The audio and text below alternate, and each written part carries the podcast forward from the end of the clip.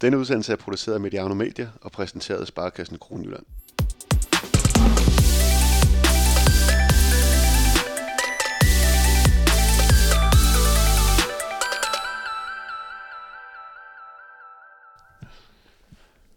Velkommen indenfor til endnu et afsnit af øh, Mediano håndbold. Mit navn det er Jakob Gren, og for første gang så skal jeg selv styre lyden og sidde bag knapperne. Øh, så det bliver spændende, og som forsøgskanin har jeg fået besøg af Nikolaj Pedersen fra lidt endnu i hvert fald Nordsjælland øh, håndbold. Velkommen til, Nikolaj. Tak skal du have. Du skal videre til Ribe Esbjerg efter sæsonen, men, øh, men det, er en, det er en helt anden snak. Øh, I dag skal vi snakke meget om hele det mentale aspekt omkring det her at være, at være håndboldspiller, hvor jeg ved, du har gjort dig nogle tanker og har en hel masse erfaringer allerede nu, på trods af, at du er, du er forholdsvis ung stadigvæk, i hvert fald for sådan en som, øh, sådan en som mig. øhm, men for lige at øh, komme ordentligt i gang og få præsenteret dig og give folk en reminder om øh, din, din øh, karriere indtil nu, så, øh, så lad os lige prøve at gå igennem. Du startede med at spille ungdomshåndbold i FIF, ved jeg i hvert fald. Ja. Rigtig stærk overgang i øvrigt. Ja, det, det må man sige. Øh, jeg tror vel, vi sammen med GOG var det stærkeste hold på, på østsiden, kan man godt sige. Øh, I hvert fald har mange af dem, har spillet med i, i FIF, vist gode prøver på deres kundskaber i både første division og liga. Øh, tænker Hvem? på folk som Lasse Andersen, Magnus Andersen, Jonas Tidemann, Frederik Andersen, øh, Rasmus Kist, alle sådan nogle. Øh, så ja, jeg havde super mange fede år i FF, og jeg følte, jeg udviklede mig hver sæson, og så var det jo fedt at altid kunne spille med om DM. Øh, jeg var der mest over, at vi ikke fik vundet det der DM-guld nogensinde. Øh, Hvem var det, der forhindrede det? Var det ikke eller Nej, desværre. Øh, givet det var, men vi havde, øh, altså, vi havde jo som sagt et par muligheder, men det var alligevel Skanderborg, der altid trak det længste strå, når vi havde vores indbyrdes opgør. Øh, jeg har stadig nogle, nogle lidt hårde minder omkring en god kammerat, Buster Jul, som øh, sendte folk i kafeteriet med hans øh, fodfinde. Øh, kunne faktisk. Spillede han, øh, spillede han på fløjen der også, eller hvad? Eller ja, men det var sådan lidt, når de kom i undertal, så øh, røg han lige på, på bakken en gang, og så, ja, så gjorde han jo sine ting og fik trukket enten en, øh, en to minutter eller et straffekast, og, og det var han sgu, det var han dygtig til. Okay, øh, det, han har jo også klaret det flot, efter han er blevet, øh, blevet senior, må man ja, sige. må man sige. Øhm, og efter FIF, du var, du var en afstikker til Ore på et tidspunkt, ja. på noget efterskole. Ja, præcis. I øh, 2010 røg jeg en, en omgang på Ore, og det var faktisk her, jeg fik øh, i øvrigt mit første DM-guld. Øh, det okay. var også et stærkt hold, vi havde der. Øh, det er lige før, jeg tror, at vi kunne stille med et... Jeg tror lige før, at vi kunne stille med en startsyver på, øh, på det ungdomslandshold, der kom bagefter. Øh, så det var et ret sygt hold. De øhm, plejer at, at være ret gode til at feste talentet eller noget. Ja, det, det kan man sige. ja. Øh, og hvad så, var du så tilbage i FIF og gøre din, ungdoms, øh, din ungdomsår færdig der? Eller? Ja, altså man kan sige, hvis, hvis vi lige tager sådan øh, tiden omkring over, så var den bemærkelsesværdig for mig i forhold til, at det sådan var her, jeg kom med på ungdomslandsholdet for første gang. Øh, og det var så med årgang 92-93. Det var ikke sådan... Og du er 94, så skal jeg lige sige. Ja, det, god, ja. ja. Jeg er selv årgang 94. Ja. Øhm, men det var jo sådan, at jeg havde ret tidlige fortrin, øh, så jeg var ret stor, også fysisk dengang i en tidlig alder. Øhm, så det tilskrev jo også lidt af, at jeg fik lov at komme med. Men øh, jeg kunne selvfølgelig også godt spille håndbold, det er klart. så du fik lov til at spille med de store drenge allerede der? Ja, det kan man sige. Det, øh, man kan sige, det understreger også lidt, hvor stort et talent du har været på, på, det, på det tidspunkt. Mm. Og så, så har du vel også haft nogle, været nogle forventninger til dig allerede, da du rykkede op som, som senior på... Var det, var det allerede... Øh, var det de første år som senior, du havde i Nordsjælland?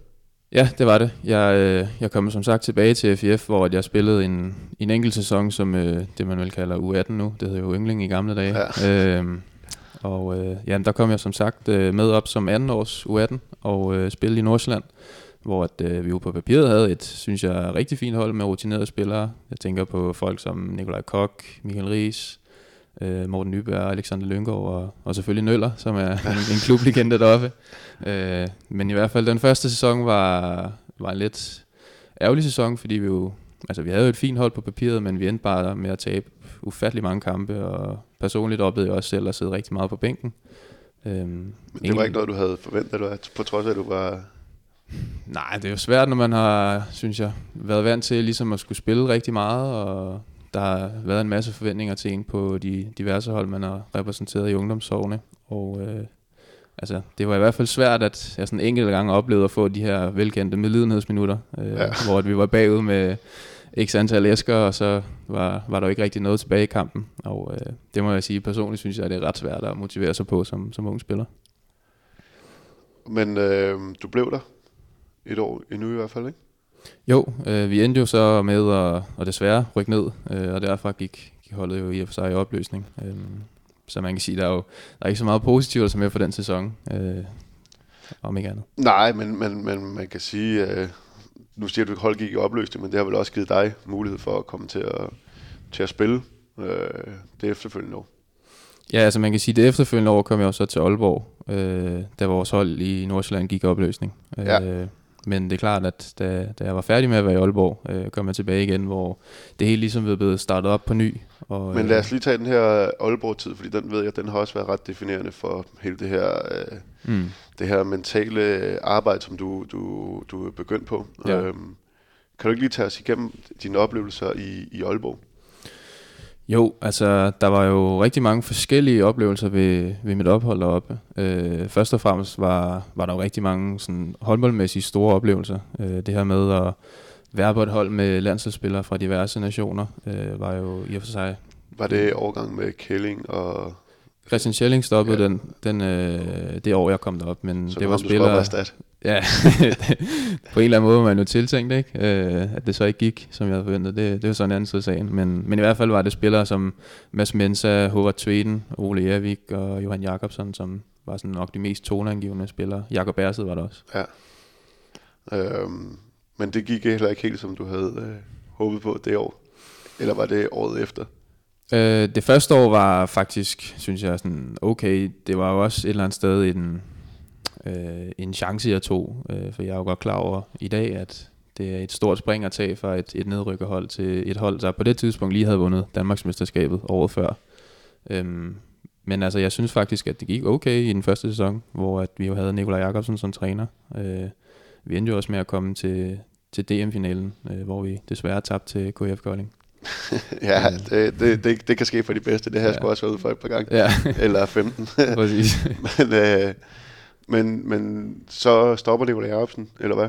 Er det, er det ikke rigtigt? Jo, han øh, blev solgt til, til Reinicke Løven, ja. hvor han jo har kan man sige, vist kundskaber, eller sine øh, gode kundskaber videre dernede. Ja, for pokker. Øhm, men øh, ja, så får vi jo Jesper Jensen til, og øh, så vidt jeg husker, var det faktisk hans første trænerjob på herresiden. Øh, så det var jo sådan ret nyt det hele, og også en ændring i strukturen omkring, hvordan Nikolaj havde været vant til sådan at, at køre holdet, og det tror jeg var i hvert fald for mig selv noget, man skulle sådan vende sig til at være god til at, at ligesom tilpasse sig den, den nye lederstruktur, der kom, da Jesper han var der. Men kan du ikke lige rise op, hvad, hvad, hvad, hvad, hvad var det sådan de mest åbenlyse forskelle i den måde, de, de var ledere på?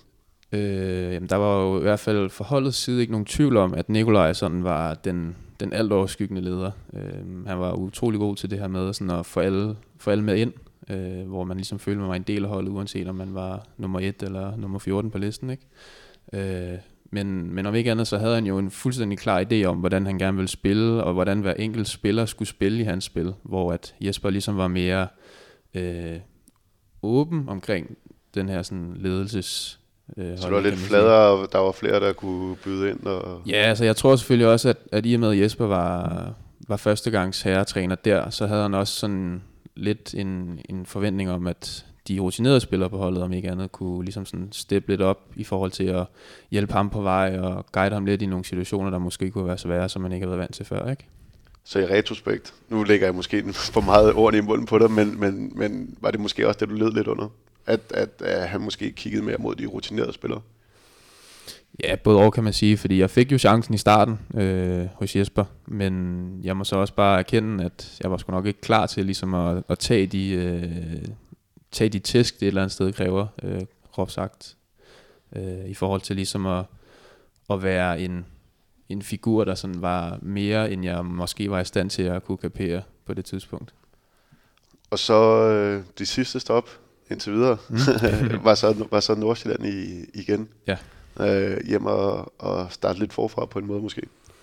Ja, det var, øh, det var i og for sig sådan lidt min plan, da jeg, øh, da jeg valgte at gå tilbage til Nordsjælland igen. Øhm, vi, vi havde i hvert fald en idé, min agent og jeg, om at det var nok det bedste for mig, ligesom at kunne komme tilbage og få ja, genstartet min karriere, øh, rent udsagt. Øh, fordi jeg følte jo, at der var en masse ting, som jeg ikke kom ud med.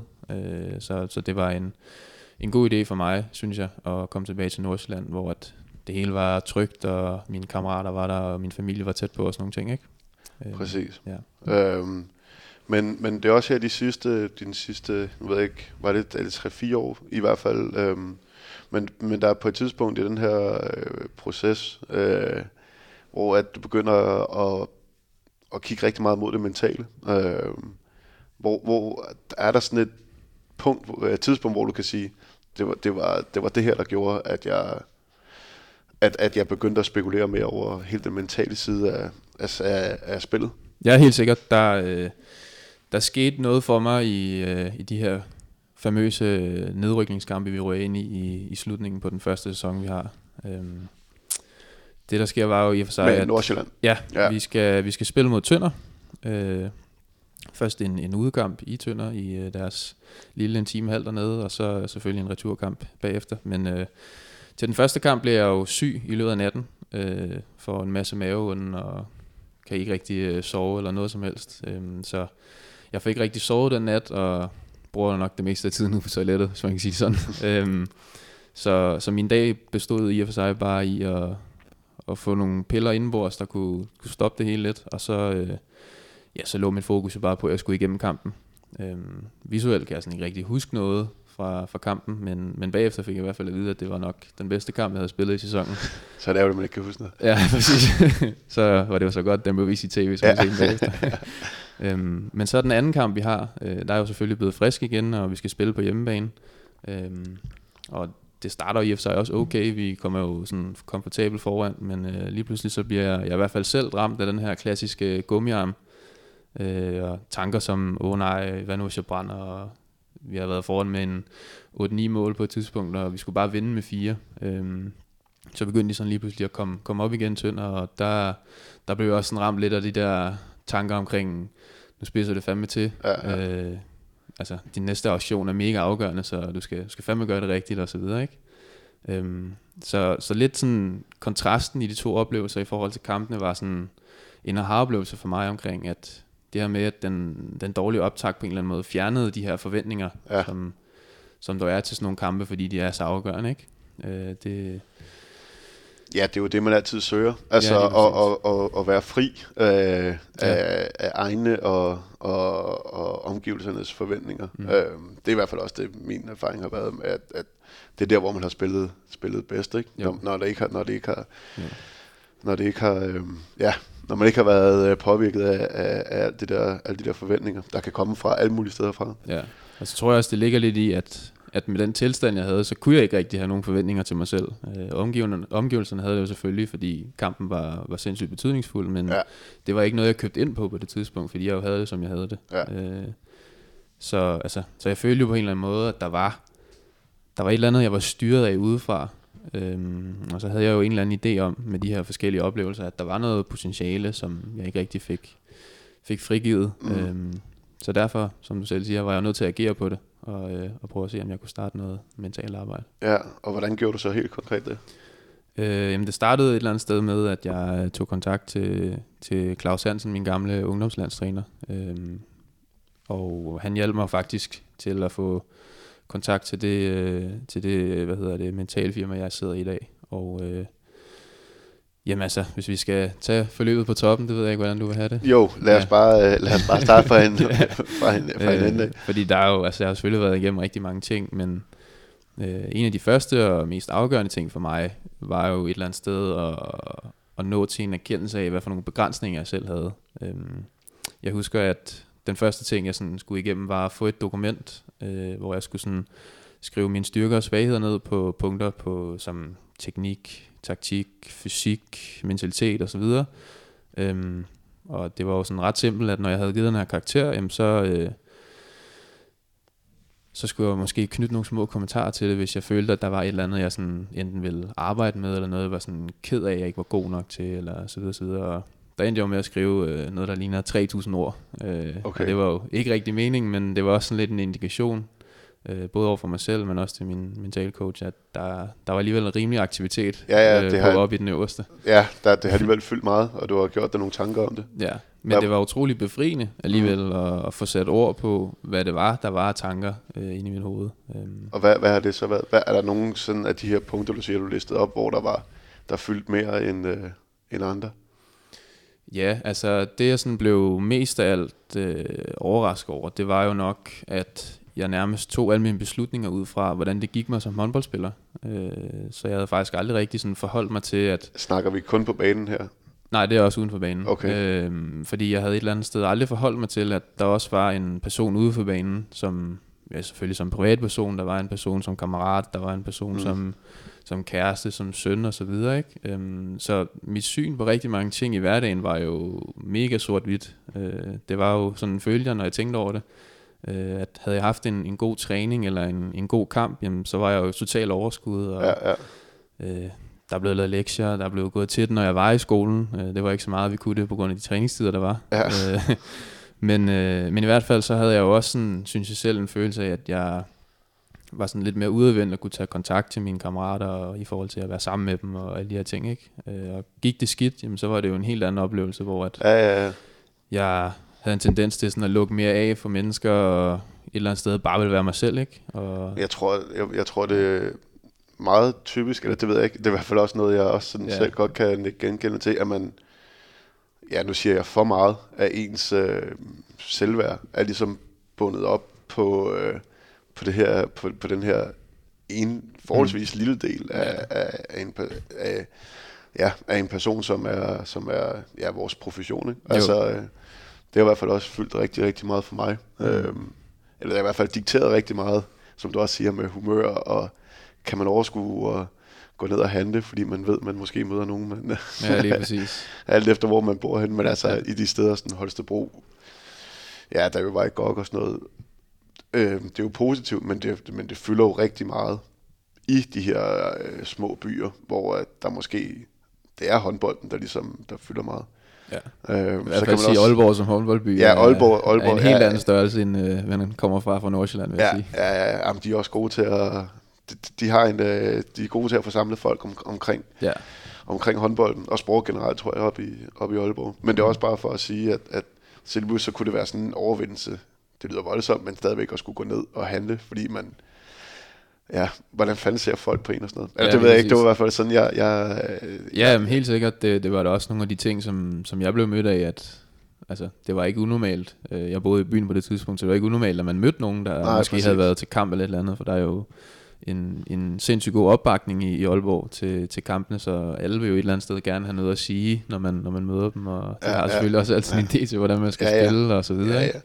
Øhm. Og så synes jeg også nogle gange, man fik lavet sådan en narrativ om, at hvis man følte, at man havde spillet en dårlig kamp, så måtte alle andre også synes det, og så blev der kigget skævt til en og sådan noget. Ja. Hvilket der garanteret overhovedet ikke er, har hold i virkeligheden. Men det var bare sådan nogle ting. Ja. Det, jeg, jeg i hvert fald sådan kan huske, ja, eller, jeg sådan, når, jeg, når du sidder og snakker om det, sådan, jeg, jeg tænker tilbage på. Mm. Øh, nå, men hvor kom vi lidt ud af et sidespor, ja. men, øh, men øh, det var det her med den seddel, hvor du skrev nogle, øh, nogle forskellige punkter ned på, som du skulle sætte nogle øh, ord ja. på os.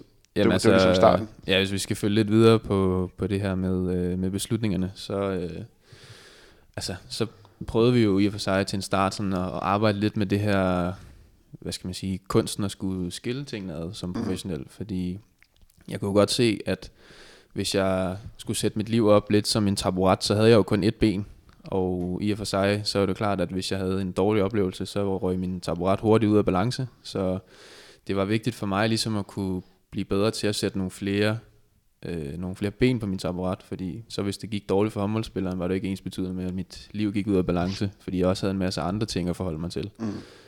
Øhm, så, altså, så til en start, så brugte vi rigtig meget tid på sådan at se på, hvordan det var, at jeg havde mine handlinger. Øh, der var jeg selvfølgelig meget lystorienteret, og det havde jeg ikke lyst til, at det skulle være. Øh, fordi hvis jeg skulle gøre alt ud for lyst, så var det jo også rigtig svært for mig som person at være vedholden. Specielt hvis det gik dårligt for mig. Og øh, altså, der var det jo sådan, den, den vigtigste ting til en start, var ligesom at øve sig i at træffe de rigtige valg, som ja. så skulle give mening for mig som håndboldspiller. Øh, fordi jeg havde ligesom erfaret mig, at jeg kan, ikke, jeg kan ikke gå rundt og jagte følelser i min tilværelse, fordi de kommer og går, som det passer dem. Øh, og det er jo sådan lidt, lidt mere, man skal se på det, som om, at følelserne kommer lidt af en handling eller en oplevelse, du har været en del af. Og øh, det er jo, hvad skal man sige, noget, man selv kan styre, alt afhængig af, om man gør det eller ej. Mm. Øhm, altså, vi brugte rigtig meget tid på at sådan snakke lidt om, hvem jeg gerne vil være som håndboldspiller. Og jeg kan huske, at jeg snakkede om, at jeg gerne vil være en spiller, der, der tog alle de der kedelige løbeture, uden, øh, uden egentlig at have noget forhold til det. Ja. Og at jeg kan jo godt se, hvis man skulle være løsdreven af det, og det regnede udenfor, og det var skide koldt, jamen, så, så tror jeg at aldrig nogensinde, man har fået taget den løbetur. Fordi uh, tankerne vil sige, at det er da meget bedre at blive indenfor, fordi så slipper du for at blive muligvis syg, eller du bliver kold, og du bliver helt våd og sådan nogle ting, ikke? Jo, det er jo røvsygt. Ja, og så er det røvsygt, ja, ja, det må man men... jo bare sige. Øhm, men altså, man kan sige, nu her, hvor jeg havde givet indikationer om, at jeg ville gå all in på det her med at være håndboldspiller, jamen, så havde jeg jo et eller andet sted også en forpligtelse til at tage de her meningsfulde valg, mm. set i forhold til min, min håndboldkarriere. Hvor gammel ikke? har du været her? Det er tidligere at være så reflekterende, synes jeg, over ja.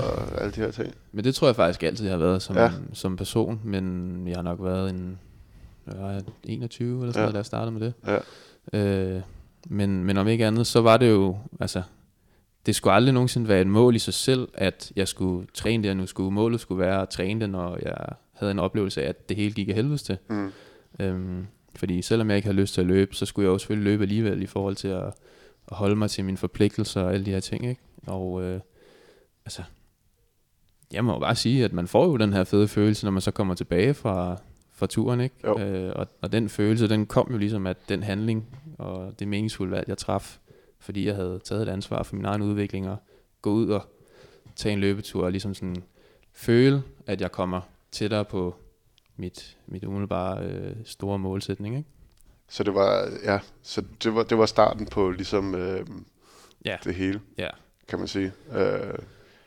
Ja, en anden vigtig ting, vi sådan lagde lidt fokus på, var øh, den her forståelse af, sådan, hvis ansvar er det, at jeg skal blive en dygtig håndboldspiller. Og øh, efter vi havde talt kort om det, så var jeg jo ret hurtig til ligesom at forstå, at det var jo selvfølgelig mit eget ansvar ja. at, at tage hånd om mit talent. Øhm, og nu her, hvor jeg havde valgt at gå all in på det, jamen, så var jeg også klar over, at der fulgte en masse forpligtelser.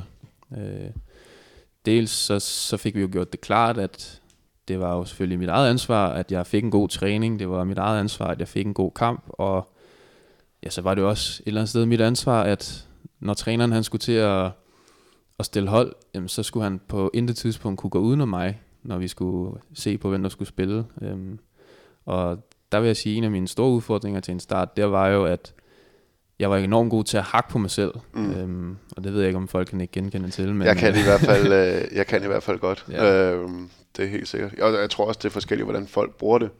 Jeg tror i hvert fald, øh, nu er det jo ikke sådan noget, der bliver snakket så meget om i virkeligheden.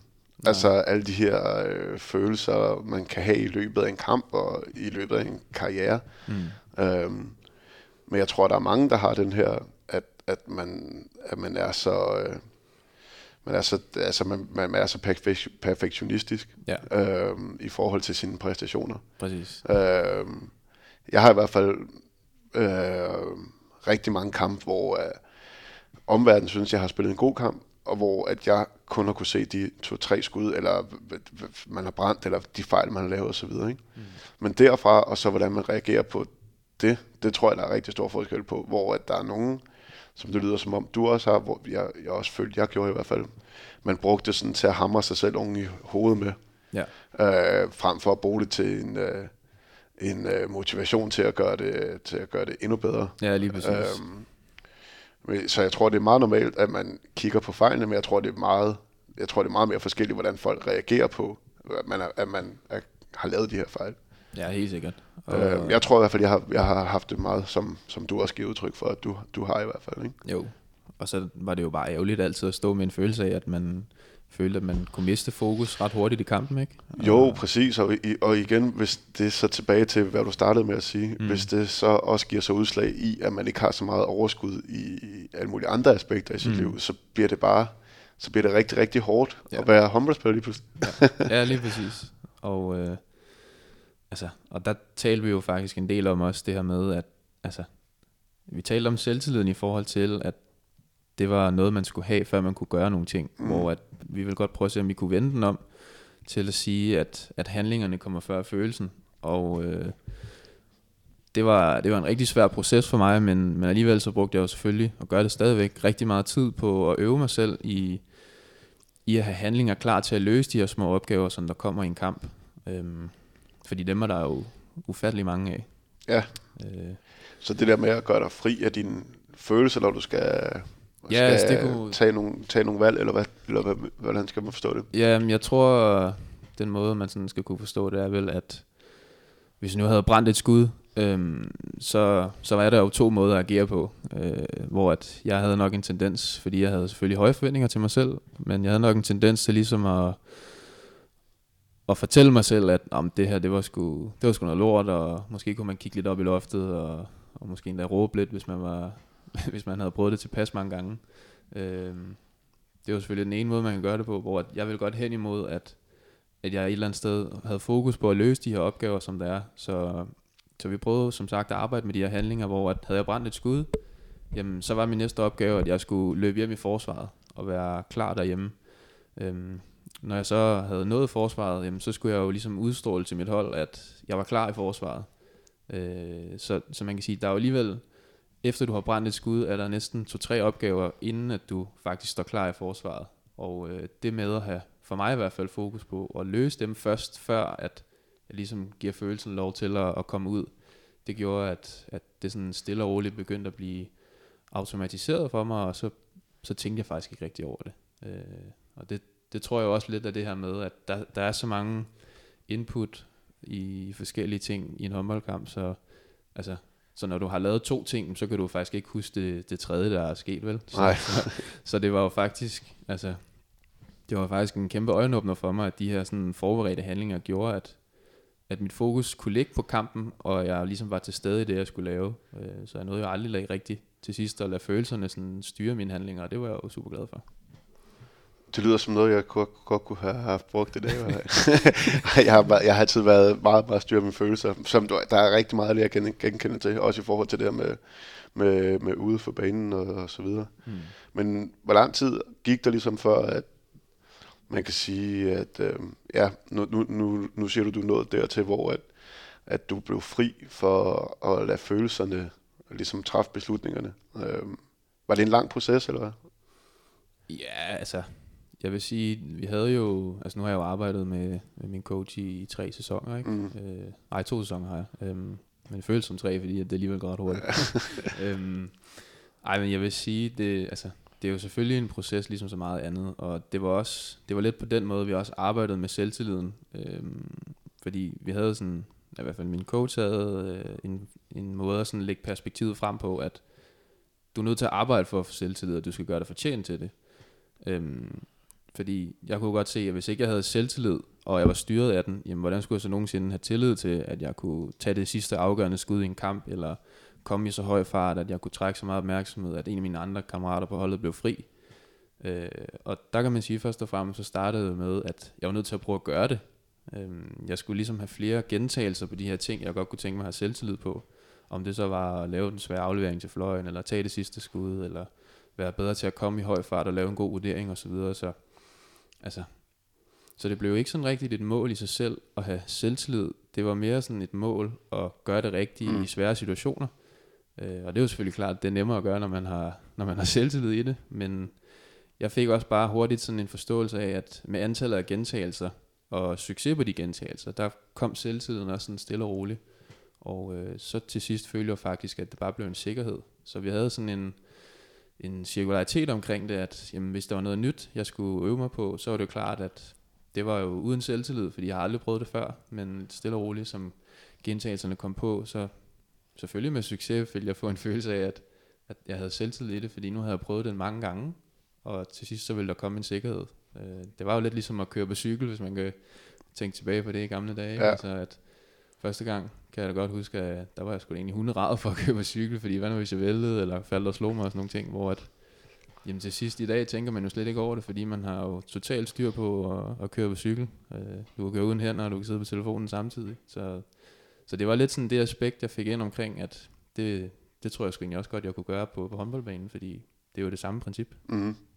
Jamen, jamen helt, altså, jeg sidder jo øh, og bliver lidt øh, irriteret på mig selv over, at jeg ikke selv har taget, taget fat i det her øh, noget, noget mere, men også sådan, ej, jeg bliver ikke irriteret på klubberne, men, men undrende over, at nu er de her fy- fysiske trænere, alle har jo nærmest en fast fysisk træner tilknyttet, og det er selvfølgelig også vigtigt, men, men min, min erfaring og min holdning er i hvert fald, at det mentale for, nu snakker jeg selvfølgelig udelukkende ud fra mit eget perspektiv, men det har betydet meget mere end, øh, end øh, de fysiske øvelser, øh, jeg har lavet.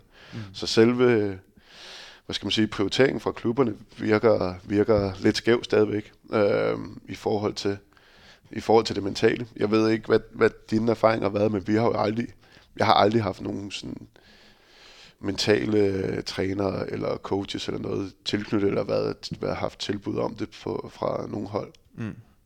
Øhm, men synes du ikke, øh, eller nej, øh, hvad, synes du også, det er undervurderet rundt omkring i, i klubberne? Altså som vi også startede med sådan at sige, så synes jeg jo, at der er enormt mange mentale dele af spillet.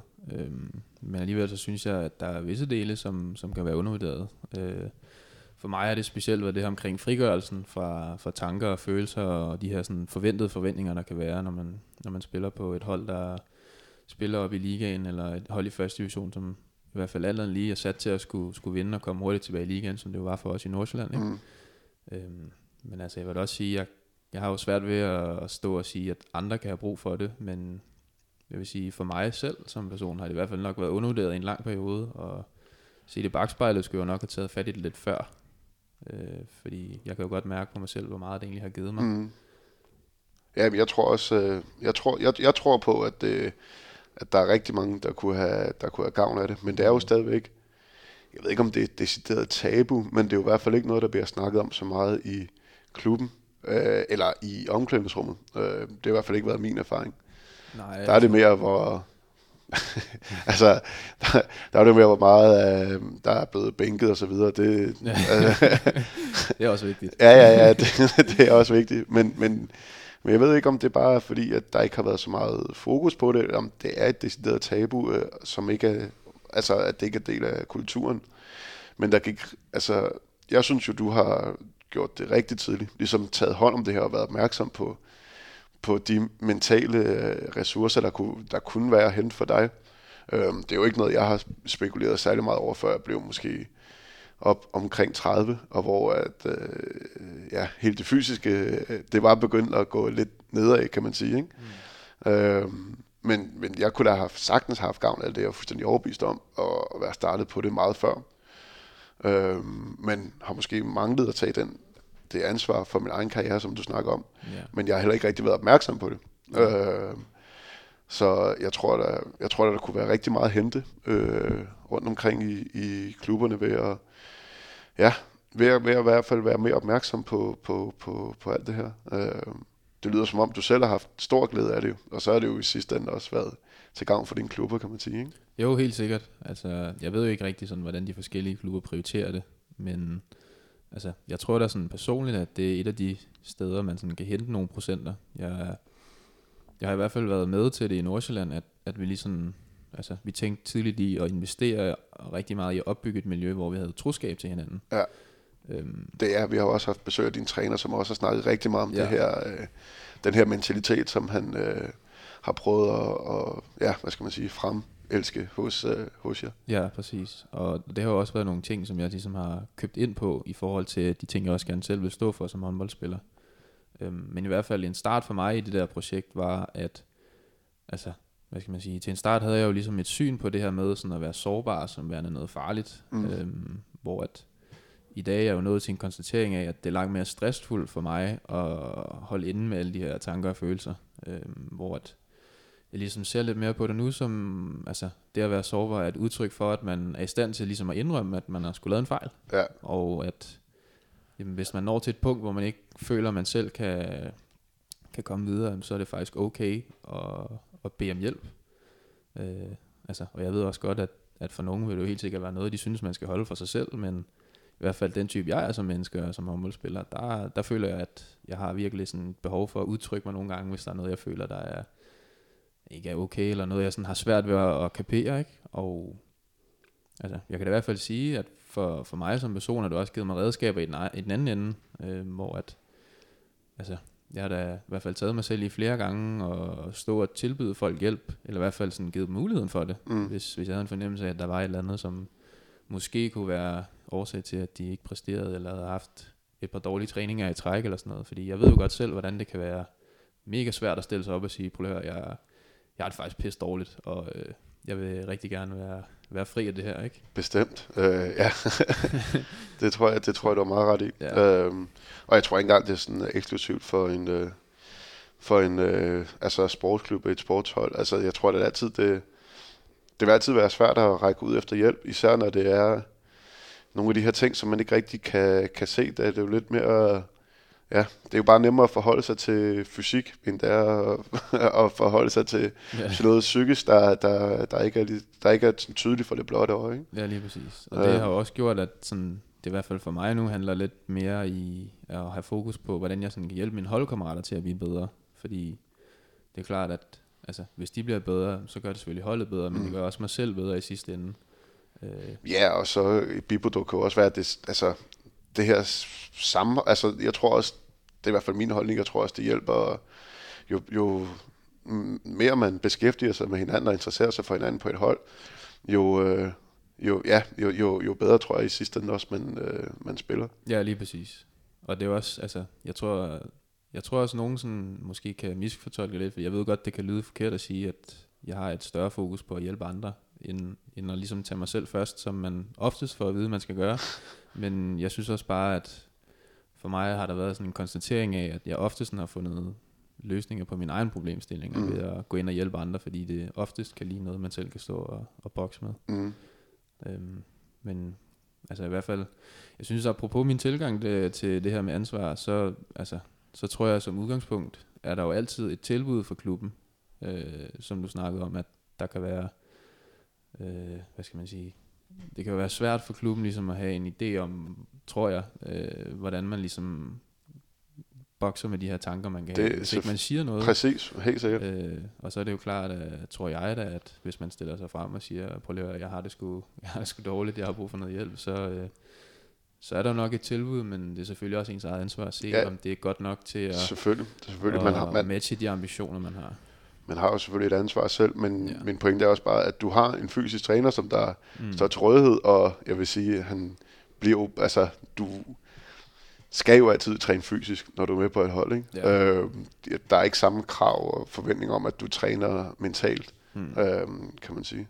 Nej, jeg ved ikke om, det har jeg i hvert fald mødt selv for min, øh, min familie, at, at de sådan har haft det som, altså, at det her mentaltræning, det er noget, man går til, hvis man fejler noget. Ja, og, og altså, der, der tænker jeg lidt ligesom du selv siger, at det, for mig at se, at her det er jo ligesom, hvis jeg går til fysisk træning og, og har et, et mål om at optimere mig selv og mm. dygtiggøre mig på et punkt, jamen så handler det jo i og for sig faktisk om det samme. Ja, ja helt sikkert. Øh, og jeg tror også, der er rigtig meget personlighed. Øh, altså alle de her tanker, jeg har gjort mig om det, det, det har jeg jo gjort alt for sent i forhold til at kunne gøre gøre brug af det på en håndboldbane. Men, men øh, jeg tror også, jo bedre man lærer sig selv at kende, øh, om det er på en håndboldbane eller, eller, eller udenfor. Jeg tror, alle kunne have godt af at snakke med nogle øh, mennesker, som kan fortælle en og hjælpe en med, hvad der fanden der sker op på, op på øverste etage. Ikke? Mm. Øh, mine, mine egne konklusioner, og det er udelukkende min egen, det er også, at, øh,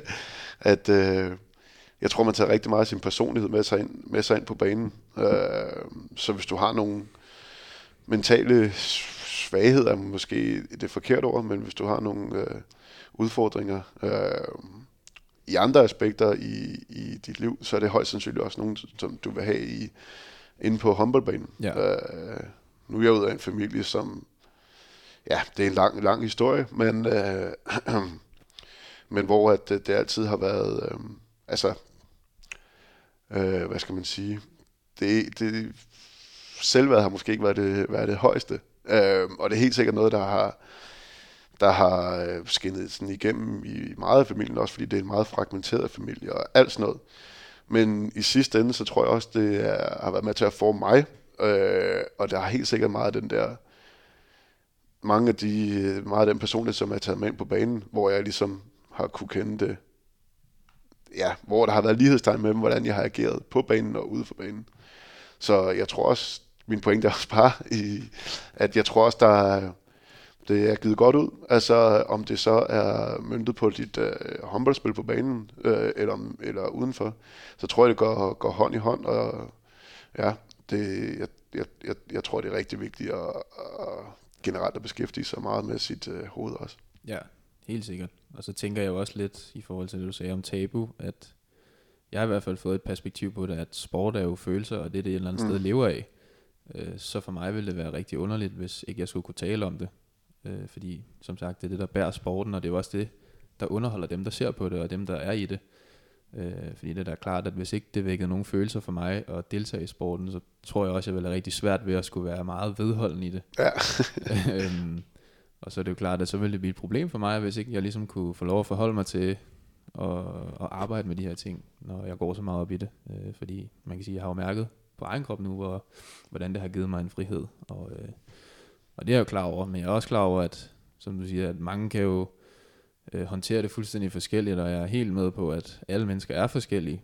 Øhm, og nogen kan jo, som du siger, samle langt mere energi i at gå ind i en følelse af frustration og tænke, mm. sådan, nu skal jeg, skal jeg bare gøre det godt igen, ja, og, ja, og ligesom præcis. få enormt meget at gå på mod det, ikke? Jo, øh. ja, det ved jeg det, igen, det er jo ikke noget, jeg ved, men, men, men, men det er sådan, man nogle gange godt kan, kan få en fornemmelse af, at, at folk reagerer i hvert fald, mm. ikke? Ja. Øh, fordi der er jo de her forskellige typer på et hold og på en, øh, på en bane, hvor man tænker, kæft man, hvis bare jeg havde, bare havde reageret sådan der, man, ja. så havde det sgu nok været lidt mere hensigtsmæssigt. Ja, lige præcis. Øh, men det er jo meget spændende. Altså igen, og med noget mere åbenhed, altså, så er jeg sikker på, så har de måske nogle andre ting, som, som de kunne have gavn af med det her øh, mental træning. Ikke? Der er jo ja. også nogen, hvor man bare ser, at det kommer fuldstændig over, og så tager de måske, hvor vi to måske er typerne, der måske før du begyndte på din mentaltræning, men måske ville have holdt lidt igen, ja. hvis, øh, hvis det først ikke lige lykkedes. Ja, så er der også nogen, der går helt i en anden grøft, og, og bare tager bolden, og så fyrer de fem skud af i træk. Ikke? Ja. Øhm, det er måske heller ikke optimalt. Mm. Øhm, så ja, det er meget spændende, øh, og ja, stadigvæk lidt overset, synes jeg, hele det her. Ja. Øhm, men hvor er du så nu i hele den her øh, proces? Jeg går ud fra, at det er noget, du bliver ved med at arbejde med. Ja, helt sikkert. Altså, jeg står jo selvfølgelig øh, og er ved at være færdig med min kontrakt i, i Nordsjælland, og jeg skal jo videre til Ribe Esbjerg her efter, efter sommer. Øhm, så man kan sige, i grove træk har jeg jo taget nogle valg, som ikke har været tilfældige, og det har jo været vigtigt for mig. Øhm, og derfor synes jeg jo, at min plan er lykkes rigtig fint, men altså, jeg er jo også på nuværende tidspunkt sådan klar over, hvad jeg skal være opmærksom på, når jeg skal til et nyt sted, og ja, ligesom det her med, hvad jeg skal være forberedt på, hvis jeg gerne vil lykkes med de ting, som jeg vil stå for som håndboldspiller. Og øh, på samme måde ved jeg jo også umiddelbart, hvor fælderne ligger.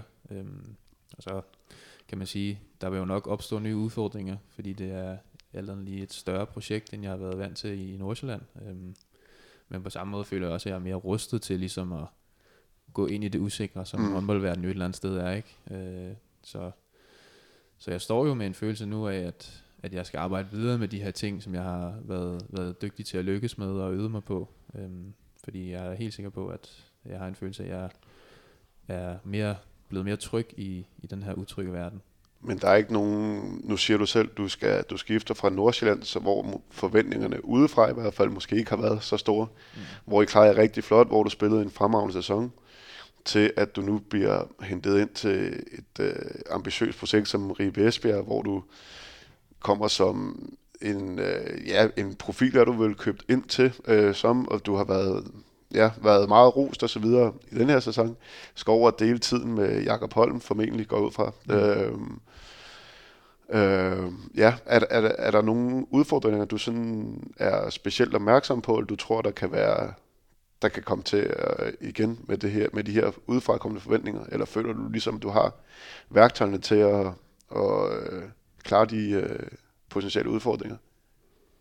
Ja, altså jeg synes jo, at, hvad skal man sige, sådan som jeg ser på det, så, så har jeg det jo også lidt som om, at, altså, at det er fedt for mig at stå udefra og se, at det er, sådan, det er et stort setup, mm. jeg skal prøve mig selv af nu. Mm. Øhm, Og i og for sig synes jeg jo faktisk ikke, jeg får et mere internationalt præget udfordring øh, på det nationale pal, end det at komme til Ribe, fordi som du selv siger, forventningerne er jo tårnhøje, både fra os selv og klubben, og helt sikkert også øh, folk rundt omkring i håndbold Danmark. Øhm, og jeg, man kan sige, jeg har jo prøvet i, i en omgang at være i Aalborg, ligesom at, hvad skal man sige, stå, stå bagerst i køen, øh, synes jeg selv, i forhold til ligesom at lade folk komme foran mig, mm. øhm, hvor det er klart, at, at nu har jeg jo blevet mere øh, sikker i, hvordan jeg gerne vil være som håndboldspiller, så, så det er jo i og for sig bare et, et spørgsmål om at få, få det øh, kørt ud på, på holdet, og, og selvfølgelig også for mig selv, sådan så jeg kan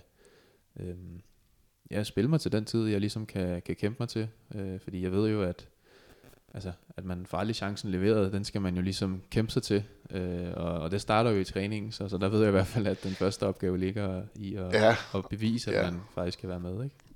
Jo, så har du heller ikke været den nemmeste udfordring, kan man sige, at skulle over og, og kæmpe om spilletid med, med Jakob Holm. Han har også... Øh, ja, men han er jo absurd dygtig, men jeg synes jo også bare, at, altså, at det her med, at der også er en forskellighed på os, tror jeg, mm. kan være et, et potentiale, man kan løfte til noget større. Ja, ikke? Jo, jo, og så kan I vel også øh, skifte lidt rundt på pladserne, hvis det er. Men øh, der er også gode spillere ja, på de andre positioner. spillere, så, ja. så vidt som jeg ved. ja.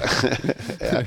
ja, det bliver i hvert fald, øh, men det bliver i hvert fald spændende. Ja. Men, men det var også mere det her, øh, ja, igen, vi snakker meget om det mentale. Mm. Det kunne godt være, at du, øh, du var, ja, du var ikke bekymret for, men altså, at der, at der nu kommer det her øh, ekstra, ekstra pres, men det virker som om, at du hviler rimelig meget i, at du har dit øh, eget dit egen fokuspunkter, så du kan ligesom gøre dig fri for de her...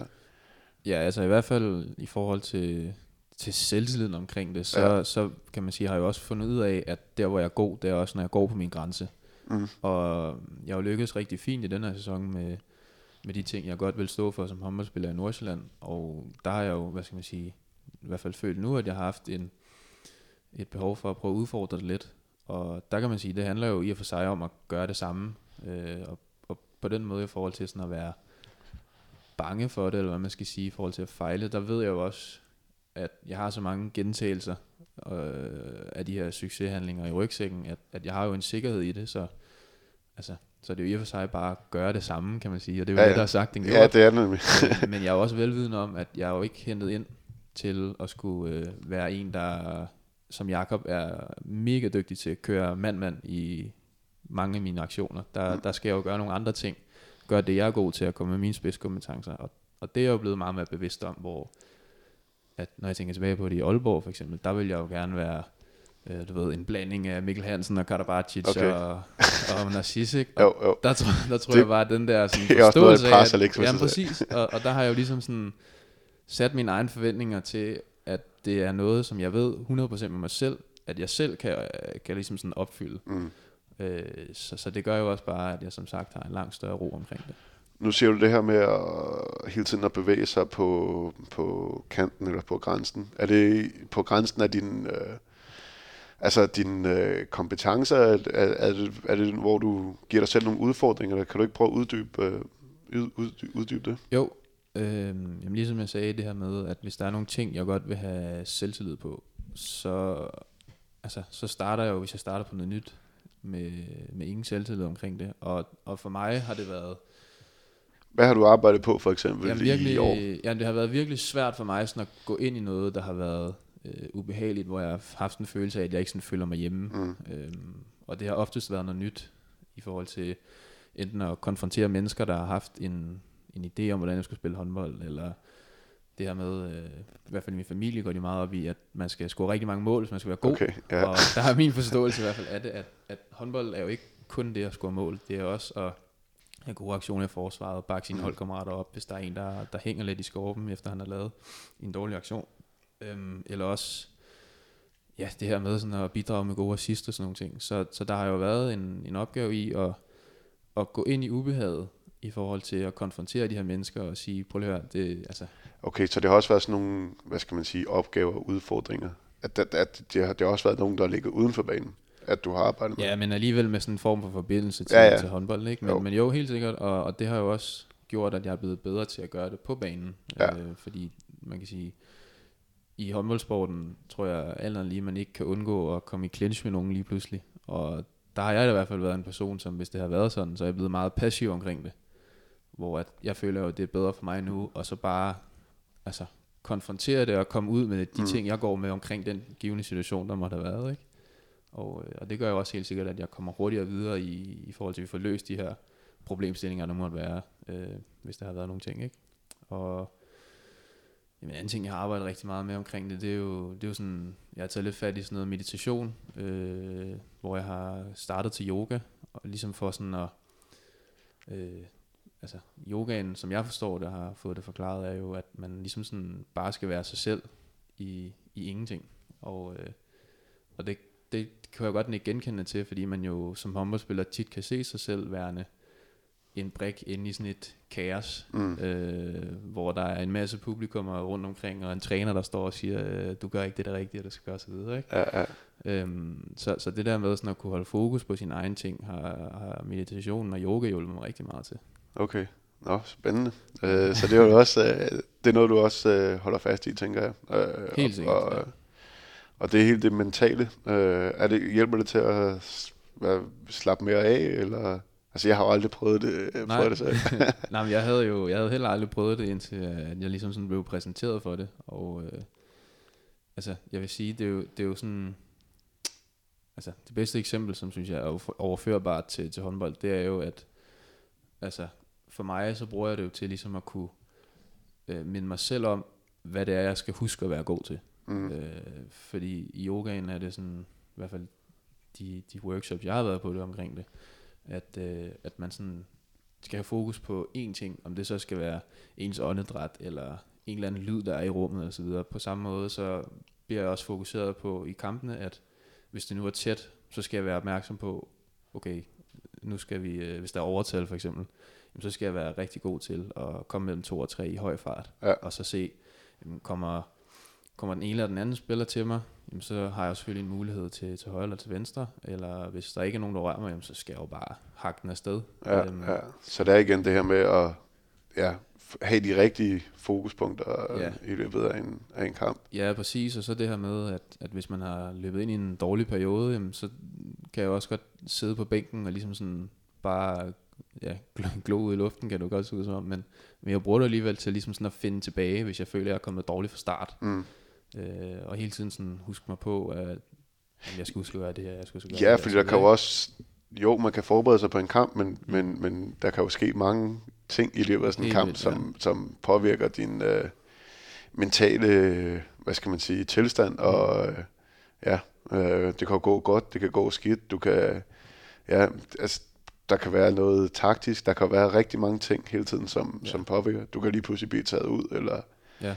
Øh, så det er også nogle, ja, så ja, ja det, det er meget spændende. Det, altså, hele tiden at finde tilbage til den der, det kræver også nogle værktøjer, hele tiden at finde tilbage til den der mentale Helt sikkert. tilstand. Øh, man og man ryger lidt ned i værktøjskassen. Ja, men præcis, fordi det kan jo være ja, mange steder, man ryger ud af. Mm. Øh, ja hvis man lader sig føle, styre for meget sine følelser i hvert fald. Ja, øh, ja. Det har jeg i hvert fald selv haft en oplevelse af, og, og der ja. synes jeg, at de her forskellige redskaber gør det, gør det nemmere, altså fordi det er jo ikke, det er jo ikke en fejl i for sig at ryge ud på et tidspunkt, men det er, jo, det, er jo, det er jo så, hvad skal man sige, rigtig godt, at man kan bruge redskaberne til at komme tilbage på sporet mm. igen, fordi mm.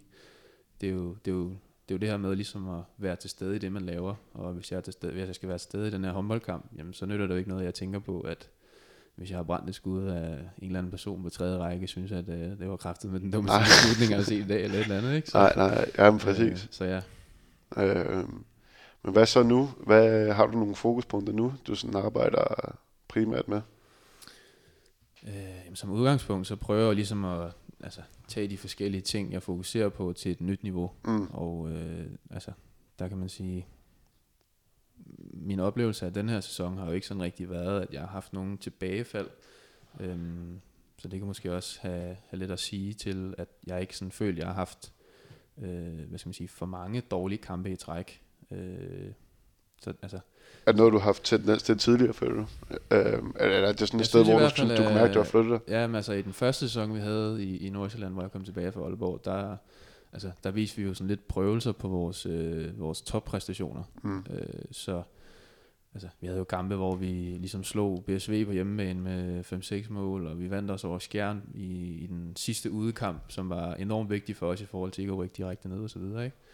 Øhm, så den her sådan stabilitet omkring mit spil har jo helt sikkert været, og er det stadigvæk øh, en af de vigtigste ting, fordi jeg skal jo øve mig i at være stabil øh, over en hel sæson. Det nytter ikke noget, at jeg kun er stabil i en halv sæson, fordi en sæson løber jo over de her 26 kampe. Ikke? Øh, jamen Nicolaj, så har du nået et godt stykke allerede, kan man sige. Øh, hvad er... Øh, har du nogle konkrete mål for, for fremtiden? Er det bare at fortsætte det her spor? Øh, ja, øh, jeg går ud fra, at det er noget, du vil fortsætte med resten af din karriere. Ja, det forestiller mig i hvert fald. Øhm, altså, om ikke andet, så kan man sige, at de målsætninger, jeg har, har jo ikke ændret sig. Øh, men det er nok også mest af alt, fordi jeg har ikke sat en målsætning, som jeg ligesom kan sætte et flueben ved.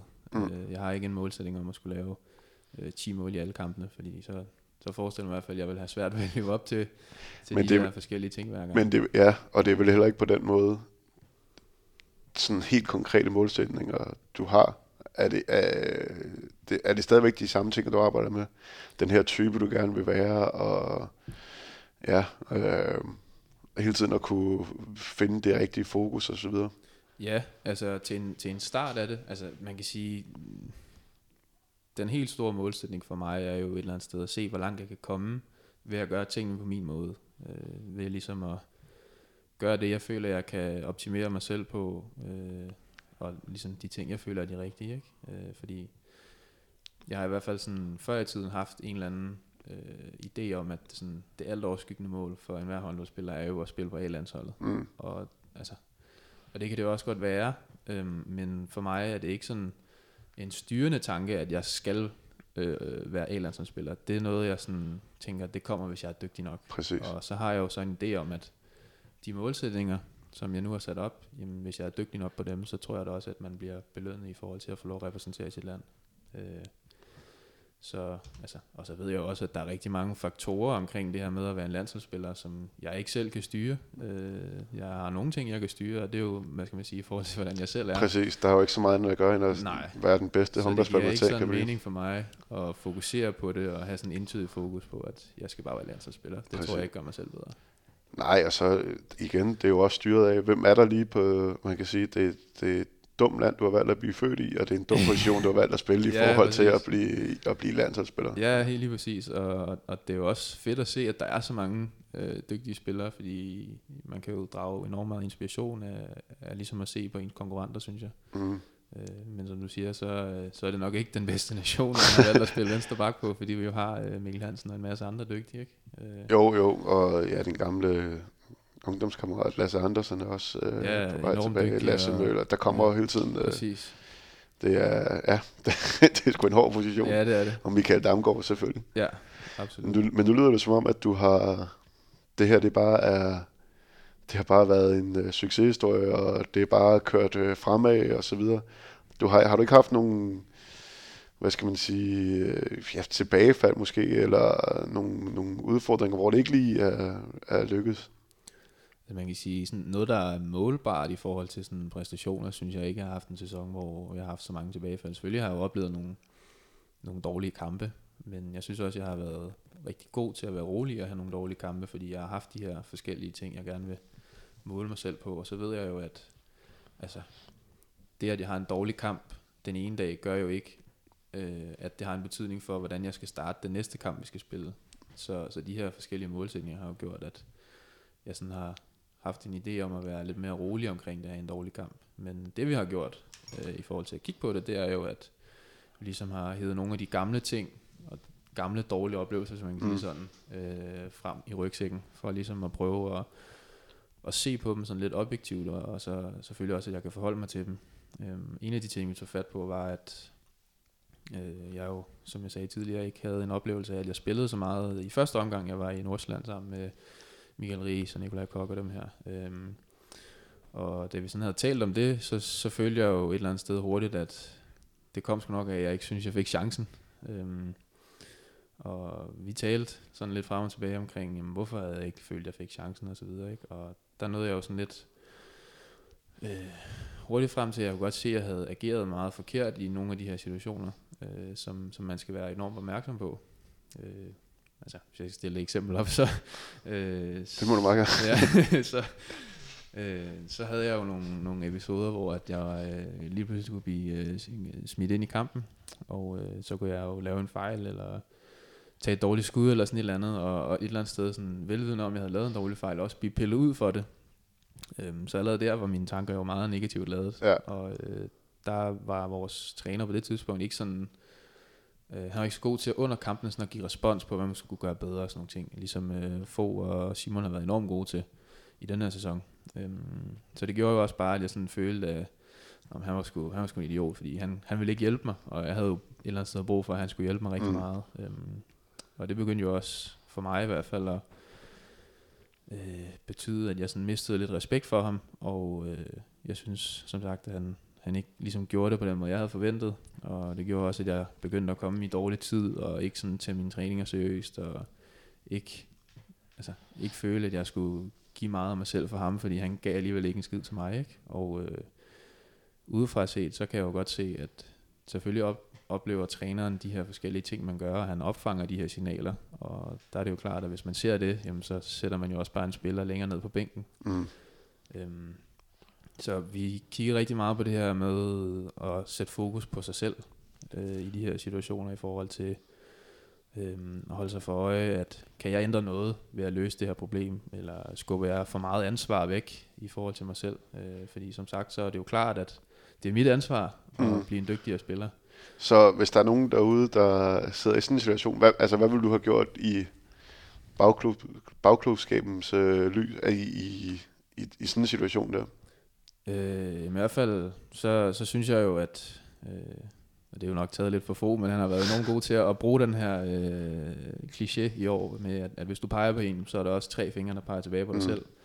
Øhm, fordi det er jo klart, at objektivitet, så har træneren jo ikke noget incitament for at bruge dig, hvis du opfører dig som, som en idiot. Og, øh, og hvis han så gjorde det, så ville han måske tabe holdet. Så ja. det er klart, at hvis jeg ser på, hvad mit bidrag er til den her udfordring, eller hvad mit bidrag er til den her konflikt, øh, hvis jeg ser det, og ligesom sådan kan, kan have noget selvindsigt omkring det, jamen, så tror jeg også, at jeg er i stand til at bryde den cirkularitet, der kan komme øh, i forhold til det her med, at man synes, at træneren er en idiot, og man var bedst at længere ned på bænken. Ikke?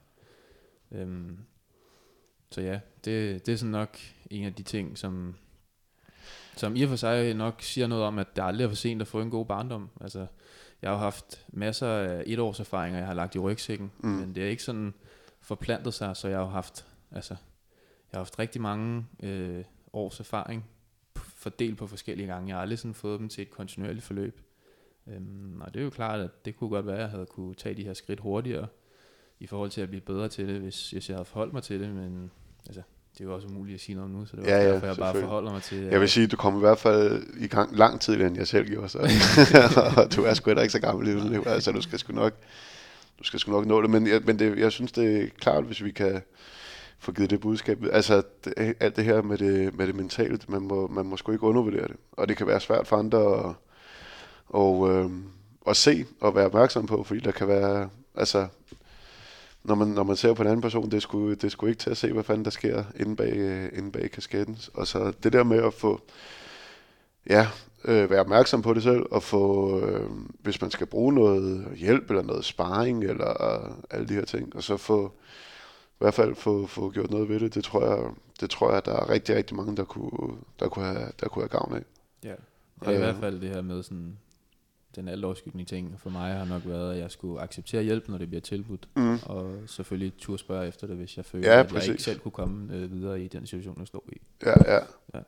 Øh, ja, det vil jeg i hvert fald også. Øh, skal vi ikke lade det være ligesom øh, den, vi slutter på, og så, og så en opfordring til at lige at, at stoppe op en gang imellem og se på, øh, hvordan man, hvor, hvor fanden man er helt mentalt, og hvor man gerne vil, vil hen. Øh, det er, ja, det vil jeg i hvert fald gerne skrive under på. Det tror jeg, jeg kunne have fået haft rigtig meget af, hvis jeg var taget, havde taget det mere, mere seriøst, øh, ligesom du har gjort, Nicolaj. Mm. Øh, men øh, tusind tak, fordi du kom i hvert fald, og så må vi, øh, må vi håbe. Jeg synes, det var fedt, du kom ind og, og delte det. Jeg synes generelt, det var fedt, at du havde, øh, du har gjort dig så mange tanker om det allerede. Øh, lad det være et eksempel at følge øh, derude. så skal vi huske at sige tak til øh, Sparekassen Kronjylland, som har været med til at, og, og hjælpe os til, at vi kan, vi kan lave de her programmer og invitere nogle øh, folk som Nikolaj ind og, og snakke om de her ting. Øh, det synes jeg er, er rigtig fedt, og jeg er glad for, at jeg har været med til at få lov til at være med til at lave det. Og så skal jeg huske at sige, at det plejer at være Emil, der er god til det her, men øh, gå ind og, og øh, like os på Facebook og på Twitter findes vi også, og så har vi en hjemmeside, der hedder www.håndbold.nu, øh, tror jeg den hedder, med, med, med Bollo. Og ja, ellers så tryk, øh, følg, eller hvad, hvad man gør i de der podcast-app, og så øh, kommer vi snart med nogle flere udsendelser til jer.